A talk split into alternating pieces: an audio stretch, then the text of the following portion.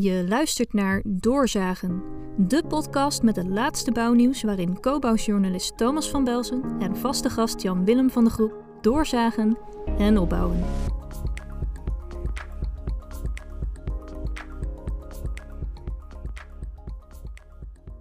Leven de koning, hoera, hoera, hoera. Verhuurdersheffing gaat met 500 miljoen euro omlaag. Uh, veiligheid gaan we het over hebben. We gaan het hebben over biobased dreams en uh, circulaire oplossingen en convenanten. Uh, dames en heren, welkom bij Doorzagen aflevering 19. Jan-Willem, heb je je stem weer terug? Nou, bijna. Maar beter dan gisteren en eergisteren. Wat was er gebeurd? Want ik heb je van de week gesproken en je was echt volledig je stem kwijt hè? tijdens de Kobo Awards. Ik, ik, ik heb geen woord van jou verstaan eigenlijk. ik denk dat ik een griepje had. Heb je nog wel een beetje kunnen genieten zeg maar, van Prinsjesdag dan? Jawel, ja. Ik heb ook al een paar bijdragers gevolgd. Ja, dat is leuk. Wat, maar wat vond je inhoudelijk ervan? Want we hebben natuurlijk, kijken wij rijkhalsend uit uh, naar wat er voor de bouw gebeurt en met het klimaat. En we weten natuurlijk al langer dat voor het klimaat ja, toch wel weer best wel wat geld bijkomt. 6 tot 7 miljard. Wel uitgesmeerd tot 2030. Dus uh, als ik de criticasters hoor, die zeggen allemaal is veel te weinig. Hè. Dat zou echt 10 miljard moeten zijn per jaar misschien wel. Ehm, hoe, hoe, kijk jij er tegenaan, tegen dat soort nou, bedragen? Volgens mij is iedereen in Den Haag zich daar ook al van bewust. Maar is alleen gezegd van ja, die extra uh, miljarden, die moeten, dat moet toch echt gealloceerd gaan worden door het nieuwe kabinet. Dus ik vind het in ieder geval goed dat het huidige kabinet nog dit bedrag gedaan heeft. En daar komt ongetwijfeld nog wel wat bij. En er komt ongeveer een miljard, anderhalf miljard eh, voor de nationaal isolatieprogramma hè, en ook voor wat warmtepompen.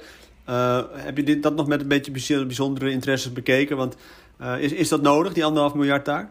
Ja, zeker. Uh, ja, ik heb dat, daar ook voor gepleit al langere tijd. ik denk ook dat, dat, dat het CDA daar een belangrijke stem in heeft gehad. Henry Bontebal is er altijd wel voorstander van, van geweest.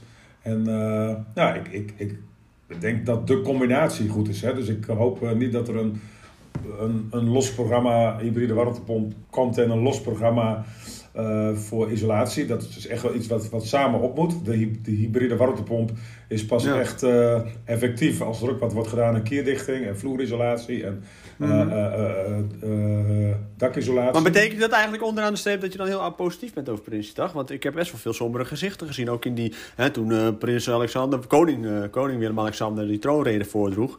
het was niet echt, echt, echt een gezellige boel daar. Ja, maar dat heeft volgens mij niet zozeer te maken met uh, de inhoud. Dat heeft veel meer te maken hoe, uh, hoe het gaat met de formatie en hoe mensen met elkaar omgaan.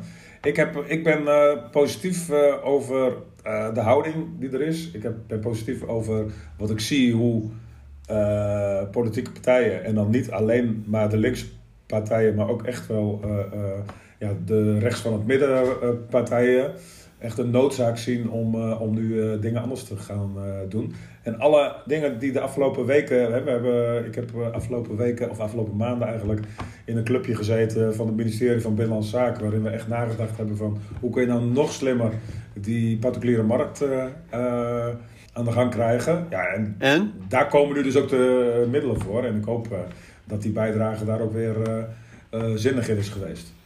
Precies, maar jij zegt we kijken nu in samenhang naar zaken, dat is een goede zaak. Tegelijkertijd het hele biobased verhaal, of hè, ook met stikstof, dat stikstofplan blijft natuurlijk uit. Uh, wij, wij horen van bouwers, die snakken gewoon naar duidelijkheid, duidelijkheid die er gewoon niet komt. Dus dat verhaal, dat vergezicht, we moeten anders uh, gaan kijken, dat hoor je toch nog niet terug eigenlijk. Nee, dat klopt. Ik, op gebied van stikstof en op gebied van... Uh, CO2 misschien toch ook wel? Ja, maar CO2, ja, CO2, wat je nu heel veel hoort is van... ja, we moeten dat vergroenen en dat duurzamer gaan doen. Terwijl ik, wat mij betreft moet, is de eerste vraag nu, als we het hebben over het, het, het verduurzamen van Tata zou ik zeggen van ja, maar hoeveel staal hebben we überhaupt nog nodig? Uh, als je het hebt over aluminium, ja, maar hoeveel aluminium hebben we dan überhaupt nog nodig? Voordat je gaat vergroenen, als je nog maar, eh, de bouwsector is ongeveer voor 45% uh, de afnemer van staal. Nou, als wij als bouwsector zeggen van nou, maar we hebben voortaan gaan we met, met, met 50 of, of misschien wel 70% minder straal werken, ja, dan blijft er dus ook uh, uh, een ander soort tatenstiel over om te verduurzamen. Veel kleiner. Oké, maar, ja. maar jij zegt dus eigenlijk moet je dus uh, staal of zo of beton gaan verbieden of zo? Nee, ik ben heel erg voor om na te denken over wat je de eerste stap waar we over na moeten denken is hoeveel moeten we er überhaupt nog uh, van gebruiken. Maar, maar, wie, maar wie moet het dan doen? Moet dat de nieuwe minister-president gaan doen? Of de nieuwe minister van Vrom? Of moet de bouw nou ja, doen? In ieder geval de, overheid, van de groep? Nee, de overheid moet gaan zeggen van... in 2030 willen we nog maar zoveel staal gebruiken... zoveel uh, beton gebruiken. Uh, want er zijn gewoon alternatieven die heel veel voordelen hebben... die, die fossiele materialen niet hebben. En uh, heel dus een stip aan de horizon, die moet gewoon van de overheid komen. Ik wil er zo met jou over verder praten, Jan Willem. Ik heb van de week heb, heb ik gehad over veiligheid. Hè, belangrijk onderwerp in de bouw. Uh, toch ook een beetje naar aanleiding van een uh, dodelijk ongeval onlangs weer in Eindhoven. 60-jarige bouwvakker. Ja, en dat soort verhalen grijp je aan. Hè. Ik heb destijds een keer een verhaal geschreven over Heiko. door de ogen van zijn vriendin en familie die het leven moest laten. Uh, vlak voordat hij zou gaan trouwen. En dat werd onwijs uh, aangeklikt ook weer op LinkedIn, op social media. En dat maakt toch veel los, hè, veiligheid. Um, ik sprak erover met, uh, eerder deze week met, met Werner van Eck van Heijmans. Um, gaan we nu even naar luisteren. Helaas blijft het aantal ongevallen in de bouw onverminderd hoog. Um, afgelopen maand eigenlijk nog een ongeval in Eindhoven. Een 60-jarige bouwvakker die verongelukte. Uh, als ik het nieuws uh, lees van de afgelopen maanden, dan zie ik onder meer ook iemand in Sassenheim die uh, zichzelf in de vingers zaagde, letterlijk. in Noordwijkerhout viel vorige maand iemand van de steiger in Hoef en Haag. Werner van Eck, jij bent veiligheidsdeskundige bij Heijmans. Je geeft ook lezingen af en toe voor Bouw Nederland in dat kader. Raakt, raken dit soort berichten jou nog, of niet? Ja, iedere keer weer. Uh, ik heb er zelf een aantal van dichtbij ook meegemaakt, ook mogen onderzoeken. Uh, en heeft mij mede uh, de drijfveer gegeven om dit soort zaken in de toekomst te voorkomen. Dus ja, iedere keer als het gebeurt, ja, dan is er toch iets gefaald waar we zeggen, daar hadden we misschien iets meer aan moeten kunnen doen. En wat is het meest aangrijpende gebeurtenis die jij zelf hebt meegemaakt?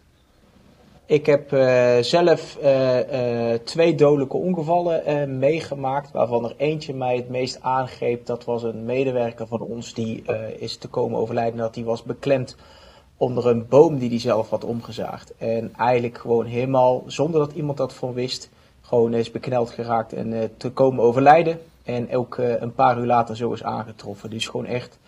En als je dat dan weet, hoe dat is gegaan, als je dat reconstrueert, probeert te reconstrueren, ja, dat is echt te bizar voor woorden. Ehm, en wat is dan onderaan de streep? Want wanneer was dit?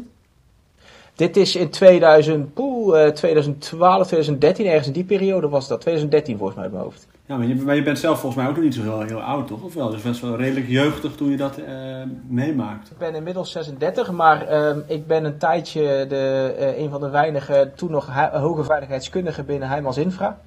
En mijn naam stond eigenlijk uh, altijd bovenaan de lijst van uh, de calamiteiten. Dus als er iets gebeurde, dan was ik eigenlijk wel een van de eerste die invloog om uh, naar zo'n ongeval te gaan. Om daar ter plekke de eerste opvang te doen en het onderzoek te starten. Ja. Ja, jij zegt eigenlijk wat hier gebeurt is bijna te bizar uh, voor woorden. Valt dat kort uit te leggen dan, wat er daar in de kern mis is gegaan? Nou, je, vanuit een stukje veiligheidskundige opleiding leer, je eigenlijk altijd dat nooit iets gebeurt door maar één oorzaak. Hè? Uh, dat er altijd een keten van uh, oorzaken aan ten grondslag lag. En dat zag je bij dit geval dus ook. Je zag er zoveel zaken die op voorhand, zeg maar, uh, die niet goed zijn gegaan, of dat we dat niet wisten dat ging afspelen, dat we niet wisten of men wel de juiste kwalificaties had, de instructies, het toezicht, de juiste middelen, nou noem het maar op. Eigenlijk viel alles daar gewoon, uh, uh, kon je daar wel aan toeschrijven. En ehm, het, het bizarre zit voor mij gewoon in het schrijnende dat zo iemand daar alleen was, alleen is te komen sterven, zonder dat er iemand voor wist, geen hulpverlening was. Dat, dat, dat, dat doet pijn. Oh, ja, je, je sterft echt letterlijk een eenzame dood dan. Ja, dat is het, ja en, en, en waarschijnlijk nog, maar nogmaals, dat is uh, waarschijnlijk nog niet direct ook nog, maar echt door gewoon beknelling en door gebrek aan lucht in dit geval. Uh, nou weet ik dat in de bouwsector al jaren het streven is om uh, het aantal dodelijke ongevallen per jaar op nul te krijgen. Ja. Um, is dat haalbaar eigenlijk? Ik denk uh, dat het zeker haalbaar is, maar er moet er wel meer gebeuren dan wat we nu doen. Uh, uh, je ziet wel dat er een, de tendens is dat het, het aantal langzaam omlaag gaat. Hè. Er is al best wel wat gezegd over de cijfers, dat ze onverminderd hoog zijn. Dat klopt en elke dode is er zeker één te veel. Maar als je kijkt, ook daarin zie je wel een, een, een, lijn naar beneden. En ook in het onderliggende aantal ongevallen zie je wel een, een lijn. En ik denk dat het veiligheidsbewustzijn in de bouw en infra echt wel omhoog gaat. Maar als we echt naar nul willen, ja, dan moeten we echt gaan versnellen en moeten we er meer tegenover zetten. En waar valt volgens jou het meeste winst dan te pakken? Nou, ik denk dat er op heel veel fronten winst te pakken zit. Alleen wat een, eh, een, misschien wel een soort van persoonlijk uh, stokpaardje voor mij is, is dat we praten altijd over een keten. En we kijken altijd heel snel naar de aannemer en de onderaannemers. Maar mijn persoonlijk iets is dat het vooral begint bij een opdrachtgever. Een opdrachtgever moet in mijn ogen de kaders stellen waarin een aannemer zijn werk veilig kan uitvoeren. Denk aan tijd, denk aan budget, denk aan minder hinder, dat soort zaken, de eisen die de opdrachtgever stelt. En uh, helaas is de marktwerking ook zodanig dat we om soms beconcurreren op prijs, wat uiteindelijk niet ten goede op voor veiligheid komt. En ik denk dat het vooral een schone taak van de opdrachtgever is om die concurrentie eruit te halen en gewoon expliciet voor te schrijven en op toe te zien hoe een aannemer veilig zou kunnen en moeten werken. Precies, maar het is ergens heb ik altijd het idee van ja, het lekker makkelijk hè, dat de bouw dan zegt van ja, de opdrachtgever. Ik zou denken van ja, maar waarom neem je dan dat werk aan? Ik ken de bouw natuurlijk wel wat langer ook, hè, dus het gaat vaak om die laagste prijs. Maar indirect zeg je daarmee ook dat opdrachtgevers soms onverantwoord of onveilige, uh, misschien wel bijna bewust onveilige situaties creëren. Ja, dat, dat durf ik ook hardop te zeggen dat zo is. Ik weet niet of het bewust is uh, uh, van wat ze dan daadwerkelijk soms creëren. Maar het is dus daarom de kunst om daarover in gesprek te gaan. Dus ik kijk niet sec naar opdrachtgever, u moet uw ding doen en wij hoeven verder niks te doen. Nee, ik denk dat het juist de schone taak voor ons is als aannemers om het gesprek aan te gaan, om ze daar bewust van te maken. In een zo vroeg mogelijk stadium, hè? In, de, in de stadium van aanbesteding in dit geval al. Alleen we moeten het echt met z'n allen doen. En we hoeven ook niet, uh, nou ja, uh, de marktwerking is gewoon op dit moment zo dat we gewoon elkaar de werken willen binnenhalen met z'n allen. En daar zijn we soms best wel ver toe in staat om dan maatregelen te nemen. Bijvoorbeeld in het, het openhouden van wegen, bijvoorbeeld. Of het kiezen voor uh, minder veiligheidsmaatregelen. Ik bedoel, een, een barrier is nog altijd duurder dan een verkeerskegel die op de weg staat. Nou, uh, als dat zo nog zo blijft, dan hebben we het verdomd lastig om echt richting die nul ongevallen te gaan. Als we daarover blijven bakkeleien met z'n allen. Ja, hoe kijk jij tegen? We hebben het er wel eens eerder over gehad, Jan-Willem. Uh, veiligheid in de bouw. af en toe lijkt het wel een soort thema dat komt en gaat. Hè? zie je het ook verslappen? Of, of wat zou je ja, erover kwijt willen op dit moment? Ik, ik, ik zie dat het een belangrijk thema is bij de wat grotere bouwers. Hè? Die, die hebben daar ook echt pro programma's op, uh, op gezet. Maar goed, die bouw, ja, we, eigenlijk bij alle uh, onderwerpen die spelen rondom de bouw, hebben we het altijd over die enorme versnippering in de sector. En dat, dat is met veiligheid ook weer zo. Dus uiteindelijk moeten het vooral de, zijn vooral de leveranciers en onderaannemers die die echt bouwen. Hè, dus die echt op de, op de bouwplaats zijn. En ja, dat zijn toch vaak partijen die toch wat, wat, wat meer verschil moeten... kunnen maken. Maar, maar, maar zijn het dan, dan ligt de bal dan nadrukkelijk bij de opdrachtgevers? Want dat zegt Werner eigenlijk ook. Van het begint eigenlijk bij de aanbesteding, bij de opdrachtgevers, die toch heel vaak nog voor de laagste prijs gaan. Je zou eigenlijk veiligheid extra moeten belonen of iets dergelijks. Ja, maar dat vind ik onzin. Als, je, als ik een auto koop, dan ga ik ook niet zeggen van, uh, uh, ja, is het wel veilig geweest uh, op de werkvloer toen ze die auto aan het, aan het bouwen waren. De werkgever, degene die bouwt, heeft, heeft, is gewoon de de hoofdverantwoordelijke voor uh, de veiligheid uh, op de bouwplaats. En je kunt je niet verschuilen achter, uh, achter aanbestedingen of wat dan ook. dit hoort gewoon integraal onderdeel te zijn van je kostprijs. ja, maar als de, als de goedkoopste aanbieders het toch doen, die ver onder de, onder de prijs gaan duiken, ja, dan schieten dat soort dingen zoals veiligheid er kennelijk toch bij in dan. Ja, ja, ik... Kan niet, dat mag niet. Nee, vind dat mag, gewoon, de mag, bal ligt echt bij de bouwer gewoon. Oké. ja, vind ik wel. Okay. Ja. Even een klein stukje, want we hadden het net over, uh, over de toekomst. Hè? En dat er stip aan de horizon moeten komen. Bijvoorbeeld als het gaat over materieelgebruik. Hoeveel moeten we staal eigenlijk nog wel gaan gebruiken? Beton misschien. Um, uh, de versnippering in de sector. Uh, als ik dan een klein bruggetje gaan maken naar de woningmarkt. Hè, dan gaat 500 miljoen euro af voor de verhuurders verhuurdersheffing op dit moment. Edens die zegt gelijk van ja, het is hartstikke leuk begin, maar nog lang niet genoeg. Want er blijft ongeveer anderhalf miljard euro aan verhuurdersheffing per jaar bestaan. Ja, ja. Is het niet genoeg? Ik bedoel, het is natuurlijk wel mooi. Een mooie, een mooie geste, een mooi gebaar, toch? Of niet?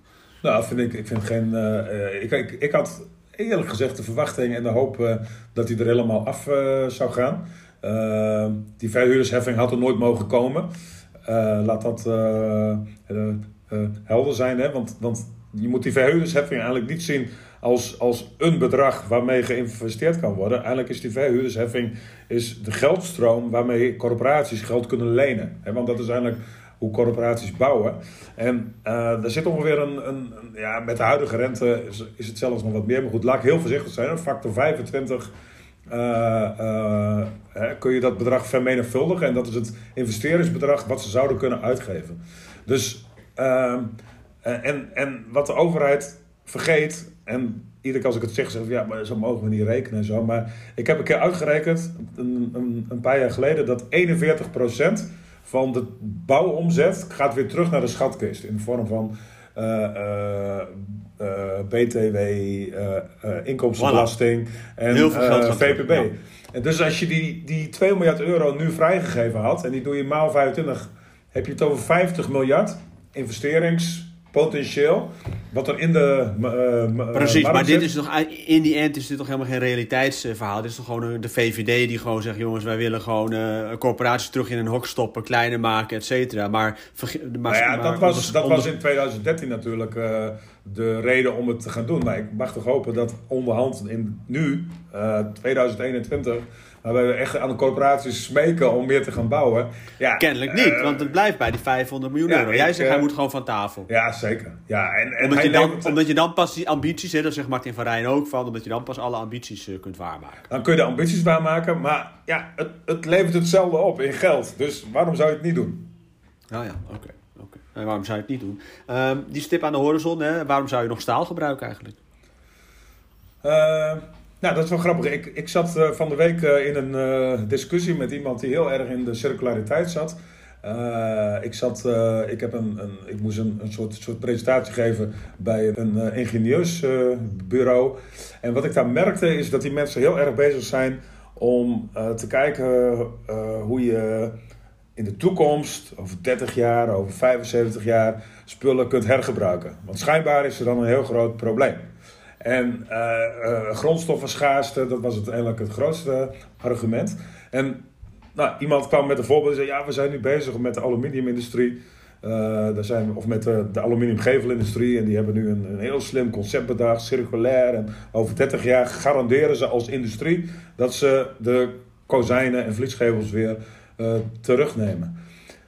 En ik zeg tegen die mensen: van ja, maar hallo, ik, ik wil helemaal geen aluminium meer. Ik bedoel, we hebben een probleem de komende 10 jaar. We moeten 75% CO2 uh, reduceren. En dan kun je gaan nadenken over hoe we aluminium over 30 jaar gaan uh, uh, terugnemen. Maar we moeten het wel nu produceren. En, en aluminium is een van de allergrootste CO2-uitstoters van de bouwsector.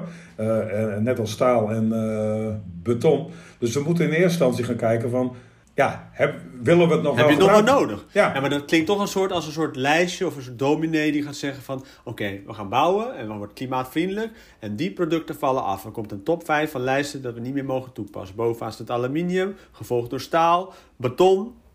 Moet ik dat zo zien? Toch gaan verbieden als overheid gewoon gaan zeggen van... Sommige producten gewoon niet meer gebruiken, want het hoeft niet.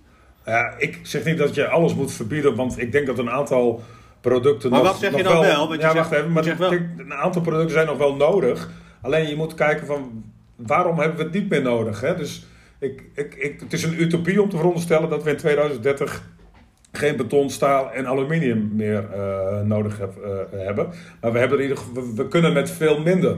En, en als we nou met z'n allen afspreken met hoeveel minder we uit kunnen, dan wordt die opgave van, voor het verduurzamen van de industrie wordt ook een stuk makkelijker, want dat is veel maar minder. hoe gaan we dat nou voor elkaar krijgen, afdwingen? Want in 1995 was al de discussie, hey, we willen op Binnenlandse Zaken, was het gewoon de discussie ook. Staatssecretaris Tommel van D66 was daarmee bezig. Hoe kunnen we nou uh, 40% betongranulaat verplicht gaan voorschrijven in nieuwbouw? Hè? Dus dat we niet meer alleen maar maagdelijk beton gaan toepassen, maar ook oud beton gaan, weer, uh, gaan we opnieuw weer gebruiken. Nou, er zijn, krijg je natuurlijk, er ja. zijn uh, een aantal routes dekbaar. Ik, ik zou wel gaan, hè, maar dat zou een, ook met, met misschien wel op sectorniveau kunnen, maar weet ik ook niet. Maar het, het limiteren van het gebruik in kilogrammen en tonnen en kubieke meters, dat vind ik best een aardige. Maar gelijkertijd hebben we ook uh, dat er op dit moment uh, vanaf 1 januari is die CO2-heffing ingevoerd. Hè?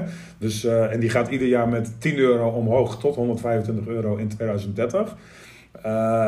als we aan de andere kant ook zeggen, van, ja, de biobased materialen, die gaan we juist andersom belonen. Die gaan we voor het opslaan van CO2 gaan we die belonen. Dan, dan wordt die kloof ook steeds groter en dan wordt het natuurlijk steeds aantrekkelijker om met biobased materialen aan de slag te gaan.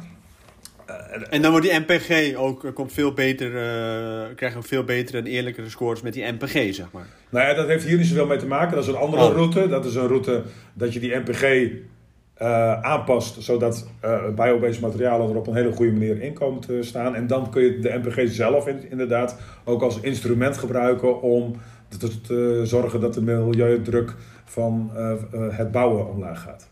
Ja, maar jij zegt eigenlijk je moet CO2. Dus als jij het CO2 opslaat, dus producten die CO2 opslaan, die moeten een soort van korting krijgen eh, of Ja, ik, ik, ik zou, alles draait om, om CO2 eh, en CO2-equivalenten, dus ook andere broeikasgassen. En wat mij betreft, net als bij wat we nu steeds meer bij de energietransitie doen, is sturen op CO2. En dat zullen we bij de materialentransitie ook moeten gaan doen.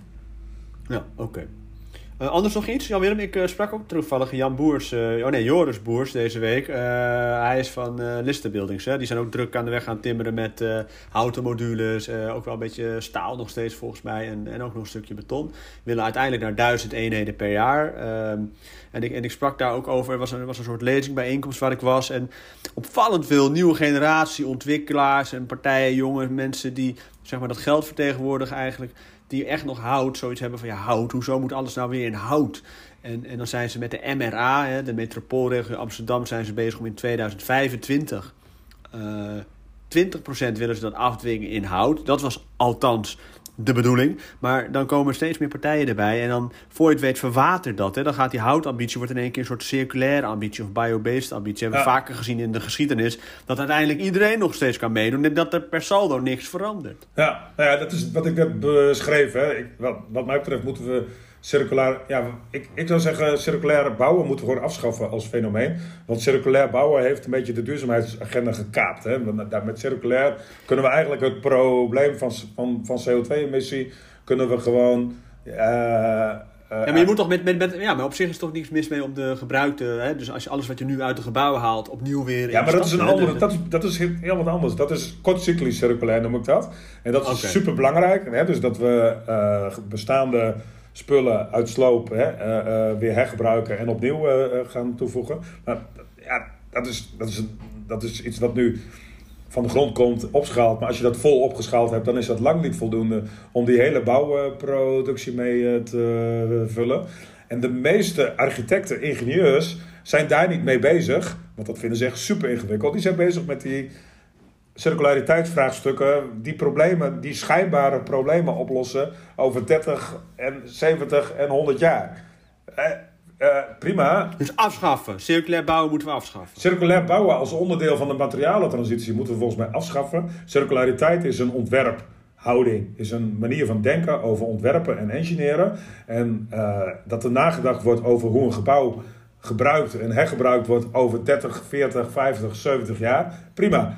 Moet je absoluut doen. Maar noem nou... Maar circulair bouwen, want ik moet, ik, moet echt, moet echt een goede kop hebben boven dit verhaal. Circulair bouwen, en dat moet niet zo lang zijn. Circulair bouwen, houten, huppelpup tegen of iets dergelijks. Nee, circulair bouwen heeft gewoon de duurzaamheidsagenda gekaapt. Dat is Oké. Dat is het probleem. Dat is een mooie, dat is een mooie kop is dat. Dan ga ik, die ga ik gebruiken. Joris, die zei trouwens dat hij Jan Willem, dat hij jou eigenlijk, want hij had jou ook onlangs ontmoet, dat hij jou best wel een aardige vent vond. Nou, Kijk eens. ik, ik heb veel waardering voor dit soort mensen die eigenlijk van... die jou aardig noemen. nee, niet zozeer om aardig noemen, dat maakt me niet zoveel uit. Maar ik, ik heb een aantal van uh, dit soort bedrijven bezocht. Eigenlijk van die start-ups die bezig zijn om uh, ja, met, met heel veel technologie en digitalisering uh, nieuwe producten te ontwikkelen.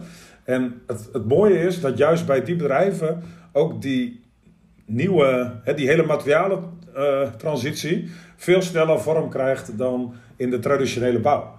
En uh, dus de, de lijn van opschaling van biobased bouwen, ja, die gaat eigenlijk via dat soort uh, nieuwe bedrijven plaatsvinden. Want dan hebben we al die ingewikkelde instapdrempels van die traditionele bouwsector, die hebben we niet meer. Ik heb toch leuke mensen ontmoet deze week ook weer. Joh. Rens Borgers, die ken je misschien van Ecosola Sallandbouw. Komt allemaal, allemaal te lezen in Cobouw. Uh, een van de vooroplopers, pioniers met biobased bouwen. Uh, en, maar ook Gideon Goudsmit, misschien ken jij die wel. Die heeft Zeker. ook weer een of andere nieuwe opslagmethode van energie uh, bedacht. Daar ga ik over schrijven. Moet je okay. ook gaan volgen. Echt, echt leuk. Echt, ja. echt weer een gekke, gekke, inventieve uitvinding heeft hij bedacht. En hij zegt dat hij daarmee echt dat... Hè, want je kunt wel met Tesla-accu's kun je zeg maar dag-nacht probleem oplossen als het ware. Maar hij zegt dat hij zomer-winteroplossing heeft. Dus dat hij echt... Nou ja, maar dat hadden we toch... Hey, dat hadden we toch... We zaten van de week uh, ook uh, samen in de uh, jury van de, van de Cobouw duurzaamheidsprijs. Awards, ja, ja. En daar, daar hebben we toch ook van dit soort dingen voorbij zien, zien komen. Ook in Boekel hebben ze een hele slimme opslagmethode bedacht.